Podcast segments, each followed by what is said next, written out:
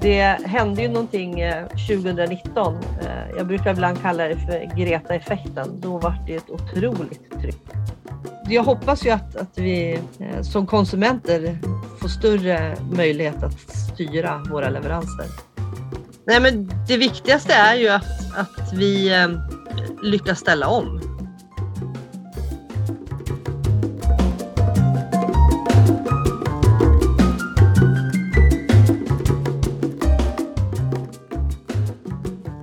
Hej och välkomna till Esplanad, podden om staden, trafiken och framtiden, producerad av Trivector.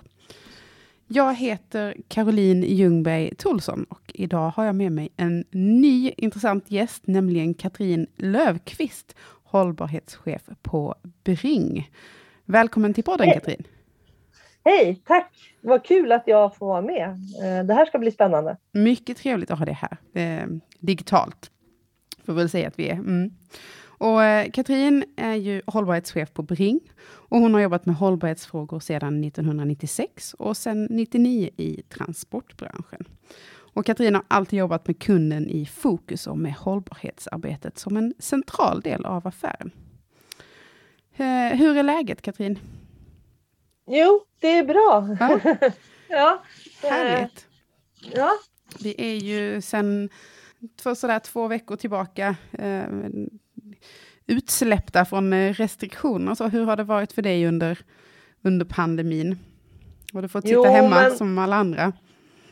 Ja, men alltså, eh, jag har alltid jobbat lite grann hemma eh, eftersom jag bor lite eh, off Stockholm där jag har min arbetsplats. Eh, så eh, under pandemin så har jag jobbat eh, bara hemma, men det har faktiskt eh, funkat över förväntan. Det var ju en liten dipp där i början när allt stängdes ner och alla undrar hur ska det gå och vad ska vi göra och hur ska det funka?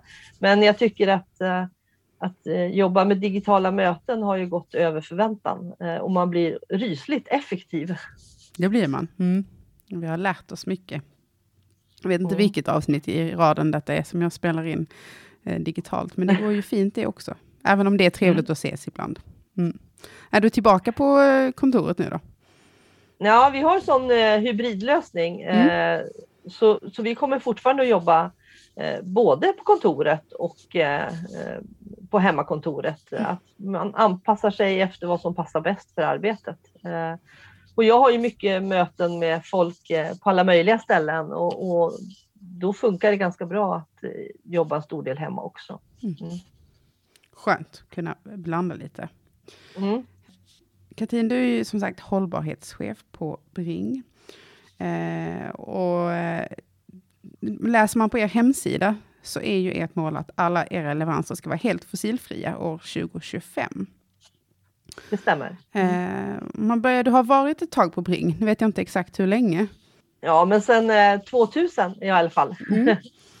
Så det är några år. Precis. Eh, tycker du att den här inställningen till hållbarhet har förändrats under de åren?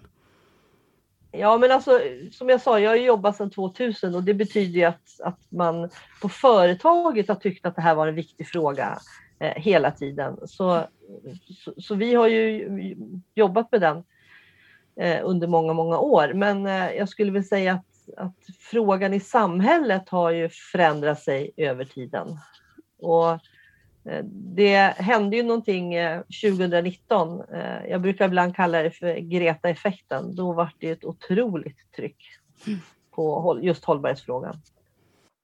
Sen så, ja, alltså det har ju funnits kundkrav och, och önskemål om, om att, att ställa om under alla år. Men jag skulle nog säga att den, så mycket fart som den tog 2019, det har inte jag sett under min yrkeskarriär i alla fall.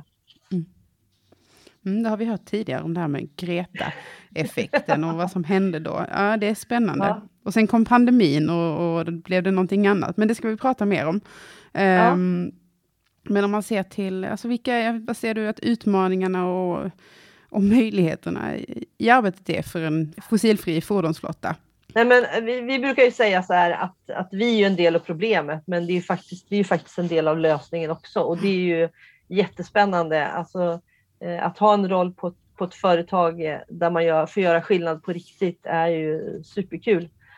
Um, och, och det är ju så att, att um, man måste jobba med alla bitarna för att nå i mål. Det, det, finns ju liksom inte en quick fix, för då hade vi redan varit där. Mm. Eh, och det är väl så att, att den här branschen har väl jobbat med frågan i många år också. Eh, och eh, tittar man i backspegeln så eh, är den vägen framåt inte helt spikrak. Den har varit väldigt krokig. Det har varit eh, bränslen som har dykt upp och, och, lika fort försvunnit och det är inte så himla lätt alla gånger då att veta Eh, hur, hur vägen framåt ser ut. Eh, och det skulle jag väl säga att det är den största utmaningen, att det finns liksom ingen, det finns inget svar på frågan att eh, om vi gör så här så, så löser vi alla problem, utan eh, vägen framåt är lite halvkrokig. Mm. Har det funnits någon eh, liksom, satsning som ni har gjort som ni trodde att skulle bli liksom, det, det stora framåt och sen, sen inte blivit så? Jag tänker på det du nämnde med bränslen eller liknande. Ja, men alltså vi hade väl eh, vi hade ju RME-bilar jättetidigt och, och, och då var det inte helt enkelt med, med kylan och, och algerna och sånt, vilket är problem som, som inte alls ser likadana ut idag. Den första biogasbilen vi hade, den, den körde vi i Uppsala och, och eh, det slutade med att, att um, det fanns ingen gas att tanka för kompressorn på, på tankstationen hade gått sönder och då var inte leveranstiden eller liksom en dag utan det var flera veckor. Så, och då kunde vi inte köra bilen. Så, mm. så det har ju varit, men det är ju så, det här är att driva förändringsarbete och, och då måste man ju vara beredd på att, att eh, ibland går det jättebra och ibland så går det mindre bra. Eh, och det, det, måste man ju ha med sig när man driver förändringsarbete. Mm, absolut. Men ser du att kunderna ställer andra krav kring det här eh, nu? Jag tänker både företag och privatpersoner, för ni har ju faktiskt båda två som kund. Ja, men det skulle jag väl säga. Det, alltså, det har ju funnits kundkrav eh, hela tiden, mm. men, men de har blivit liksom tuffare och kanske mer ärliga ju mer åren har gått. Eh, och eh, idag skulle jag ju säga att idag är det ju ett, eh, börjar liksom bli ett hygienkrav. Mm.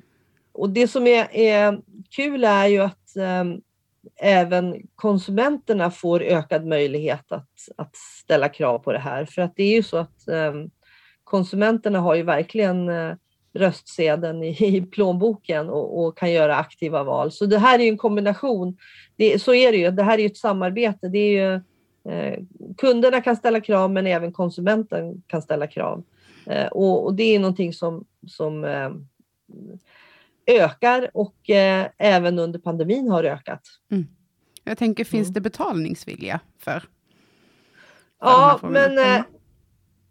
Ja, det brukar jag faktiskt också säga att, att det hände någonting 2019. Ja. Eh, och sen dess så, så, alltså det har ju alltid funnits kanske någon liten betalningsvilja för, för eh, lösningar som har haft liksom, högre kostnader där man klart har kunnat visa på det.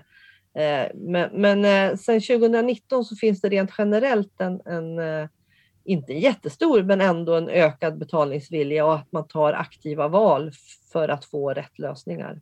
Mm. Mm. Är fossilfritt ett krav i upphandlingar ibland? Ja, ja. det är det. Mm. mm. mm. Och det ser ni också komma mer och mer? Ja, det ökar. Ja. Mm. Eh, du nämnde det här att ni är liksom en del av den här Eh, ja, stora omställningen får man väl säga. Men hur viktig blir um, samverkan i det här arbetet? Och, och, vilka aktörer är viktiga att få med sig för er? Nej, men alltså det, för oss så är det otroligt viktigt att vi, att vi gör det här tillsammans. Och, och när jag säger tillsammans, då, då pratar jag om allt ifrån de som, som bestämmer i landet, alltså regering och riksdag och, och den politik vi har till våra kunder, till, vår, till konsumenterna, till våra anställda, eh, till samhället i stort. Liksom. Det är ju så att eh, om, om vi tillsammans jobbar mot samma mål så, så når vi större framgång. Vi uppmanar gärna våra kunder att, att ställa tuffa krav för att vi tror att ett plus ett blir inte två, utan ett plus ett blir tre mm. och kanske fyra ibland. Mm. Att vi tillsammans kan göra större skillnad. Och ser du att det, att det skulle krävas andra eh, eller nya krav från regering och riksdag, alltså från högre nivå?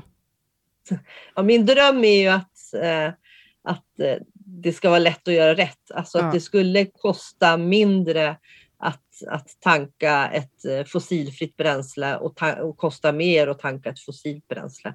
Eh, men eh, riktigt där är vi ju inte idag. Men eh, visst är det viktigt att vi har liksom spelregler som är schyssta så att vi vet vad som komma skall.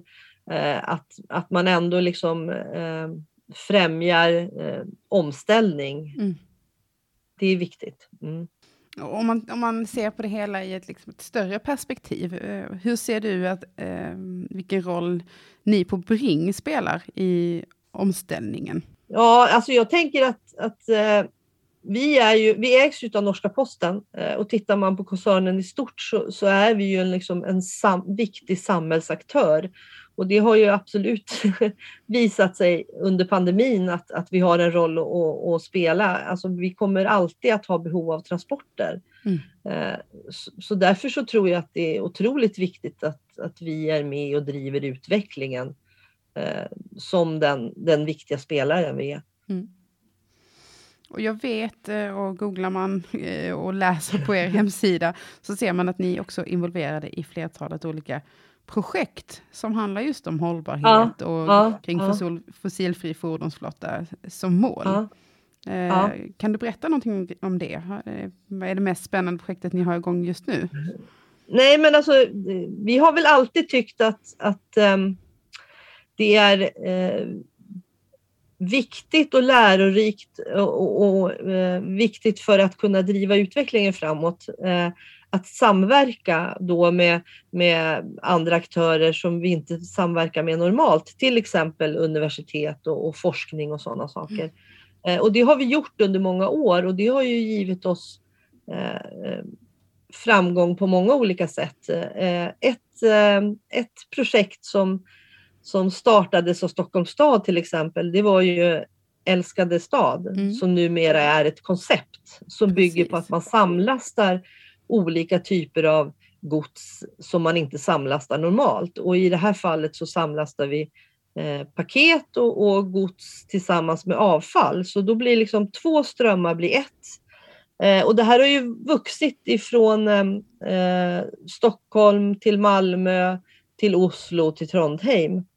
Eh, och samlasta in, inom citykärna har man ju gjort i, i, många år också, men ofta så har man ju svårt att få ekonomi i det och stå, att få det att stå på egna ben. Men eh, i konceptet Älskade stad eller Älskade by som, vi, som det heter i Norge mm. så, så, så får man ju intäkter från två håll, både från eh, eh, Eh, godset och avfallet och då kan det stå på egna ben. Eh, så det är ett exempel. Det som är eh, aktuellt just nu till exempel är ju att vi eh, kartlägger våra terminaler för att se eh, effektförbrukningen, hur vi ska lösa laddinfrastrukturen inför framtiden. Eh, det där är ju en, en, helt ny spel, spelplan som vi har fått gett oss in på för att kunna möta framtida behov. Mm. Ehm, mm. Spännande och roligt att höra att ni, ni jobbar med andra aktörer också, som universitet och liknande. Jag tänker att ja att ni får lära er en hel del eh, på vägen då. Ja, ja. Mm. Oh ja, det, jag, jag, tror att det är liksom, vi lär varandra eh, och det är utvecklande både för, för universiteten och för oss att, att jobba tillsammans. Mm. Jobbar ni då eh, mycket Sverige-Norge också tillsammans? Ja, alltså vi, eh, i, i de projekten som vi har delaktig i så, så är det oftast att de är landspecifika eller kanske ortspecifika eller att man men, men eh, vi har ju eh, mycket erfarenhetsutbyte utbyte mellan länderna eh, och länd, när det gäller omställningsarbetet så ser det ju väldigt olika ut. Eh, i, I Norge så har vi den största enskilt enskilt största elbilsflottan medan i Sverige så är vi duktiga på på biobränsle istället. Eh, och, och, där har vi ju haft stor nytta av när vår omställning till el har satt fart i Sverige. Att, att kunna ha eh, släktingar i, i Norge som är, är duktiga på elbilar. Mm. Eh, så, så det sker ett hel, en hel del erfarenhetsutbyte mellan länderna. Mm. Ja. Mm. Hur funkar det för er? Jag tänker hur, hur stor en del av er eh, fordonsflotta är el? Ja, alltså det, det är lite svårt eh, att säga exakt hur stor andel som är. Men jag tror att vi har kanske en, en eh, nästan en 1600 fordon eh, av olika slag som går på el idag. Mm. Mm, vi ska prata lite om eh, eh, pandemin, för den har ju på många sätt eh, förändrat vårt sätt att till exempel handla. Eh, och vi ska prata mer om e-handel om en stund, eh, men det har ju ställt eh, helt nya krav på oss på olika sätt. Eh, och dessutom så har ju pandemin gett digitaliseringen en stor eh, skjuts framåt. Eh, hur har pandemin påverkat er på Bring och ert hållbarhetsarbete? Ja, alltså eh, vi fick ju en, en eh, väldig skjuts när, när pandemin startade. För eh, i samma veva så, så ehm, introducerade vi vårt egna paketnät i, i Sverige. Så vi har ju haft en väldigt bra tillväxt i Sverige. och det har ju gjort att, att ehm, hållbarhetsarbetet har ju blivit än viktigare. Eh, för vi har ju ett varumärke, vi har en strategi och vi har mål. Och vi kan ju inte bygga nya tjänster och nya lösningar och inte vara hållbara. Mm. Eh, så det har ju blivit snarare högre fokus på frågan internt än, än lägre fokus i och med den, den liksom ökade omsättningen. Och hur har ni kunnat, eller hur kan ni dra nytta av digitaliseringen och det som har skett där? Nej, men alltså det har ju också varit, eh, det är helt fantastiskt skulle jag säga, det som har skett under de här eh, två åren. För att det har ju varit, det har väl aldrig gått så fort att, att utveckla nya tjänster eh, som gör att, att eh, leveransen blir enklare eller mer coronaanpassad eller, eller sådana saker. Eh, och, och det, det har vi ju lärt oss att, att um, vill man så kan man. Mm, så går det. Mm. Ja, eh, och ja, men det som är, förutom det här med att, att ge mottagaren en god upplevelse, liksom att man får, man, man får veta när, när leveransen är på väg och hur långt det är kvar och, och vad det är för typ av bil, om den är, om det är en elbil eller om det går fossilfritt. Eh, det är ju alltså, samtidigt som, som vi kan ha liksom god kontroll på våran eh, eh samlastning och effektivitet i, i fordonsflottan. Mm.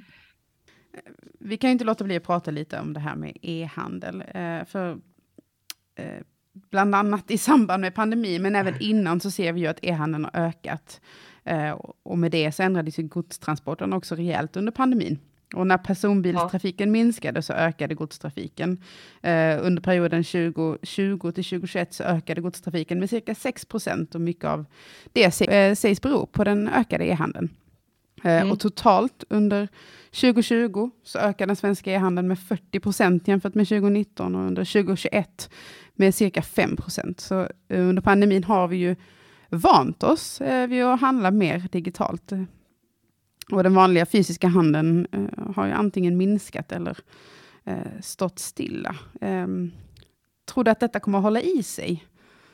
Om vi börjar där. Ja, men, alltså, ja, men det tror jag väl eh, att, att det kommer. Eh, alltså det är ju som det är precis som du säger, det är liksom, e-handeln tog ju flera år, eh, eller liksom ett jättekliv framåt. Det hände ju väldigt mycket på väldigt kort tid. Eh, och det vi såg var ju att e-handeln växte enormt medan eh, leveransen till företag eh, sjönk mm. eh, under pandemin.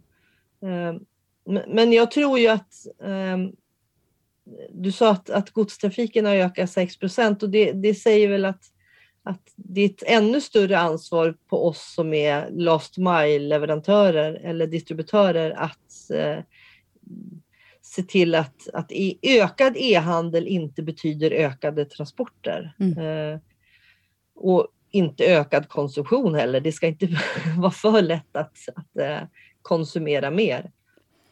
Mm, för det är, ju, det är ju en del, en, del av den stora frågan, det är hur man kan hantera det här med last mile på ett hållbart sätt. Alltså förflyttningen av godset från en hubb till slutdestinationen. Um, hur arbetar ni med det? Nej, men, eh, lite som jag var inne på tidigare, att eh, Älskade by är ett eller Älskade stad är ett exempel på ett koncept. Men sen så, så jobbar vi också med med cityhubbar, eh, samlastning mellan olika våra tjänster. Samlastning är någonting som man alltid har gjort inom logistikbranschen, men det är ju ännu viktigare nu när man kanske har eh, hemleveranser som, där man har mindre fordon eh, och, och, det ställs högre krav på att vi är väldigt effektiva. Sen så tror väl jag att, att eh, vad som sker i framtiden ska bli väldigt intressant att se för att det är ju det är ju ingen av oss som kommer att ha någon glädje av att det är massa med, med eh, hemleveransbilar eller, eller eh, att man har utlämningsställen där alla ska åka bil till och, och hämta, så att man driver ökade transporter. Utan jag tror att när vi ska tjänsteutveckla inför framtiden så, så måste vi verkligen eh, titta på, på sätt som blir eh, hållbara både för, för liksom konsumenten och för samhället. Mm. Eh, och, och, precis vad det kommer att bli imorgon, det, det har jag inte svar på, men jag tror att det kommer att ställas andra krav än att bara ha längre öppettider eller snabbare transporter. Mm. Ja, det är det är väldigt klurigt och i, i det senaste avsnittet av Esplanad så pratade jag med eh, Susanna Elfors som jobbar mycket med stadsutveckling och hur vi kan göra ja. levande kvarter och så vidare. Och eh, vi pratade om vikten av att ses och då nämnde hon precis att det här med eh, utlämningsställena. Hon sa att det är rädd för att man, man ska skippa de ställena för att man behöver de platserna att kunna faktiskt få eh, möten och inte bara få hem få hem leveranser. Så det är, mm. um, det är en klurig fråga. Nej, men alltså, jag tror väl att vi, att vi kommer ha eh, alltihopa imorgon. Mm. Eh, men, men jag tror att du, alltså jag hoppas ju att du som konsument ska kunna styra mer över dina, dina transporter. Eller, för, för idag är det så att man kanske inte eh, kan påverka alla gånger precis liksom, eh, om det blir hemleverans eller om det blir till utlämningsställe. Och, och, det är ju inte heller optimalt om man eh, som konsument ska åka runt på flera ställen och hämta paket, utan, mm. utan det gäller ju att hitta ett sätt så att det blir effektivt för alla. Eh, och, och, jag tror ju att, att utlämningsställe kommer absolut vara det bästa alternativet för många som har nära eller som ändå ska till affären eller vad det nu än kan vara. Mm. Eh, men att det kommer att finnas andra lösningar också. Och då gäller det att du som konsument kan styra det så att det, att det blir bra. Precis. Jag har faktiskt ett, eh, ett eget exempel. Jag beställde ett par skor eh, igår ja. eftermiddags, ganska så sent eh, från ett märke som jag inte hittar i eh, vanlig butik. Annars tycker jag om att testa eh, skor live så att säga. Men precis innan vi startade vår poddinspelning eh, så fick jag ett sms om att jag kan hämta ut de här eh, skorna ja. Eh, i en livsmedelsbutik inte så långt härifrån. Uh, och för mig så känns det helt galet och det är ju jättekul att jag får de skorna redan idag, men det hade inte gjort mig någonting om jag hade fått vänta några dagar dagar till på dem. Så att, ehm, och eh, hade inte möjlighet att, att klicka i någonting speciellt för att det skulle vara en eh, hållbar eh, leverans. Så att ibland är det svårt också som kund att göra rätt.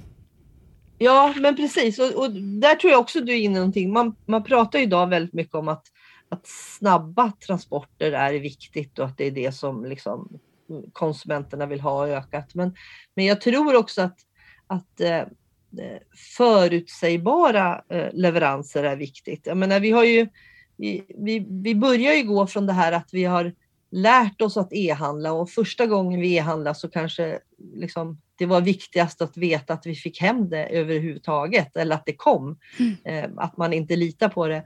Går man till affären och då har man ju skorna i handen och då vet man att då, då har man dem. men, men jag tror att eh, framöver här så, så är det viktigt att vi själv kan avgöra att okej, okay, eh, jag vill ha mina skor på torsdag för då ska jag ändå till den där affären och handla eller då ska jag ändå ut på min shoppingrunda eller vad jag nu ska göra. Mm. Så då passar det mig att hämta dem. Eller, eller jag, jag, vill ha mitt kök på, på fredag för på lördag ska jag sätta in det. Jag vill inte ha det redan på måndag för då har jag ingenstans att göra av det. Eh, Exakt. Så, ja, så jag, jag hoppas ju att, att vi eh, som konsumenter eh, får större möjlighet att styra våra leveranser. Verkligen. Jag har faktiskt ingen aning om var de här skorna utgick ifrån eller hur de har, hur de har tagit sig hit. Så det blir ja, det spännande att kunna gräva i det för att se vad de har gjort för resa nu under de här korta timmarna. Nej, men ofta så är det ju, alltså, det, det finns ju väldigt effektiva logistikupplägg eh, som man kör, leverans, eller kör bilarna på nätterna. Så, så det gör ju att, att du kan få dina skor eh, ganska fort. Um, ja, men kopplat till nu att vi pratar om Last Mile så nämnde du, nämnde du um, framtiden och uh, att man inte vet vad som kommer att hända framöver. Eh, ser du några eh, liksom, kommande spännande och eh, oväntade lösningar som man kan se? Man har pratat om det här med drönarleveranser och allt möjligt tidigare. Är det någonting sånt spännande som man ser framför sig? Ja, men alltså det, det tittar man väl på och jag tror ju att, att digitaliseringen kommer att kunna göra eh, att vi, att liksom smartare lösningar som det här vi, att vi har varit inne och tittat på eller pratat om att, att man har, eh, kan styra över sina, eh, över liksom transporten. Eller man kan prova kläder på nätet eh, och slippa göra returer och mm eh, självkörande bilar. Och det, det, är, det är mycket som, som finns runt hörnet. Eh, men, men man måste ju också jobba med det vi har här och nu. Och jag tänker att eh, vi gör ju ganska mycket åt eh, logistiken och, och effektiviserar i, i staden. Men, men landsbygden, eh, där är det ju inte så mycket eh, det pågår ju en del eh, sådana här samlastningsprojekt eh, runt om i, i världen. Men jag tror att det finns ännu mer att göra på landsbygden. Och landsbygden behöver ju inte vara jättelångt bort utan det kan ju vara några mil utanför stan också eh, där man inte har nära till utlämningsställena och, och sådana saker. Precis. Ser du något, eh, någon speciell lösning som krävs där eller någonting som ni jobbar med framöver? Nej, men man, man tittar väl på, på eh, samverkan eh, inom olika sätt eh, och jag tror att man, precis som vi gjorde med, med Älskade stad, så, så kanske vi måste lyfta oss och tänka utanför boxen. Mm.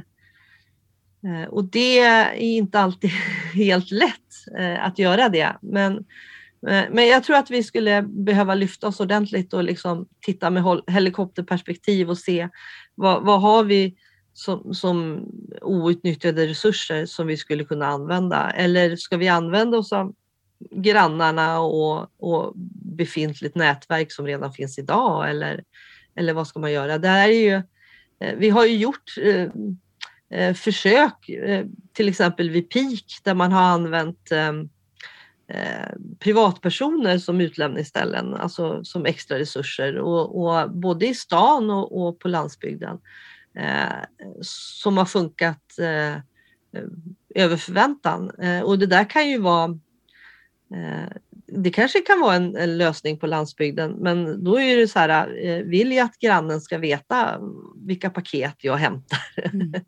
Eh, förr i världen hade man telefonväxel som, som satt lokalt och, och hon som satt i växeln eller hon visste allt om vart man ringde. Eh, ja, jag tror att det, det, det, är liksom, det handlar inte bara om, om nya leveransalternativ utan det handlar också om, om samhällsutvecklingen och, och vad vi är liksom beredda för. Eh, det är ju som paketboxarna. Idag ploppar de upp som svampar överallt. Och, och, och, första gången för många år sedan när vi satte upp vår första paketbox så var inte tiden mogen. Mm. Så det gäller ju liksom att vara på rätt ställe i, i, vid rätt tid också. Och det handlar ju väldigt mycket om, om, om samhällsutvecklingen, precis som när matkassarna eh, exploderade en gång. Eh, jag menar, det har man ju gjort eh, försök med många gånger tidigare och då, då gick det inte alls. Precis, ja, det, är precis. Mm. Det, det, krävs någonting, tiden ska vara mogen eller en, en Greta-effekt eller, ja. eller liknande. Mm. Ja. Eh, mm. Om nu, vi sa ju det att e-handeln eh, säkerligen kommer att eh, fortsätta på detta sättet och eh, då kanske öka. Eh, alldeles förutom det här med att hantera last mile på ett eh, hållbart sätt. Eh, vad kräver det mer från er? Oj. Eh, nej men, eh, alltså det, transporter är inte bara last mile utan det är ju linehaul också till exempel, alltså de längre transporterna. Mm. Eh, eh, och eh, de är både lättare och svårare att ställa om. Eh, eh de är lättare för att idag kan man byta bränsle. Eh, man kan byta till HVO eller RME till exempel. Det kan man göra på en timme. Men, men idag är kostnaden så, så hög så, så liksom det är en balansgång där. Eh, vi försöker också ställa om så mycket som möjligt på tåg, det vill säga byta transportslag. Eh, och, eh, och där finns det också sina utmaningar. Men, men det är ju, det, alltså, så kommer det ju vara i framtiden. Alltså det kommer ju inte bara vara last mile som är viktigt utan det är ju hela kedjan och vi jobbar ju också med hela kedjan. Det, det vill jag ju understryka. Vi jobbar inte bara med last mile.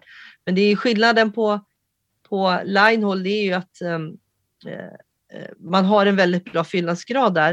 Eh, men eh, när det gäller Lost Mile så är det ju det, är ju det du ser, alltså det är ju det som ger effekt in i staden eller så. Så man, man kommer ju åt de lokala utsläppen på ett bra sätt när man jobbar med Lost Mile.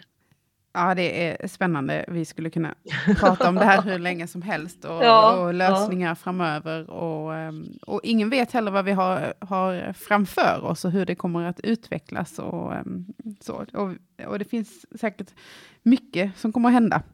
Ja, ja vi kommer ju att få eh, ellastbilar som ska gå eh, på Linehold eh, under året. Så det är, det är ett samarbete med Enride, så det är jättespännande. Spännande. Har ni haft mm. några sådana som mm. har, har gått eh, på test eller så? Nej, utan det här blir de första. Sen har mm. vi ju eh, ellastbilar i Norge eh, redan idag och vi har köpt in en, en eh, rysligt massa nya också som är på ingång. Men det är också en utmaning eh, efter corona att, att få bilar. Mm. Ja, just det, med alla leveranser. Det är leveransproblem, det är ju så. Även fast vi hade alla pengar i världen så finns det inte bilar att köpa. Nej. Precis, ja, det är leveransproblem med allt, det mesta just nu känns det som. Ja, förutom mina skor då. Ja. Det börjar bli dags att runda av det här avsnittet av eh, Esplanad. Eh, jag skulle bara vilja avsluta med att ställa frågan eh, till dig. Eh, vad ser du är det viktigaste som ni har framför er för att nå målet om att bli helt fossilfria? Nej, men det viktigaste är ju att, att vi eh, lyckas ställa om. Eh, och att vi tjänsteutvecklar eh, åt rätt håll. Mm. Sen har vi ju, nu har vi pratat väldigt mycket miljö, men, men eh, hållbarhet är ju inte bara miljö utan det är ju även eh, etiska, eh, sociala aspekter och ekonomiska nat naturligtvis, mm. att det går hand i hand. Eh, så det viktigaste är ju att vi verkligen lyckas med vårt omställningsarbete. Mm. Och vad är det första ni behöver göra där? Nej, men alltså det är ju så här, eh, vad händer med, med drivmedelspriserna och framförallt då tittar man på, på HVO som är det som vi kan göra här och nu.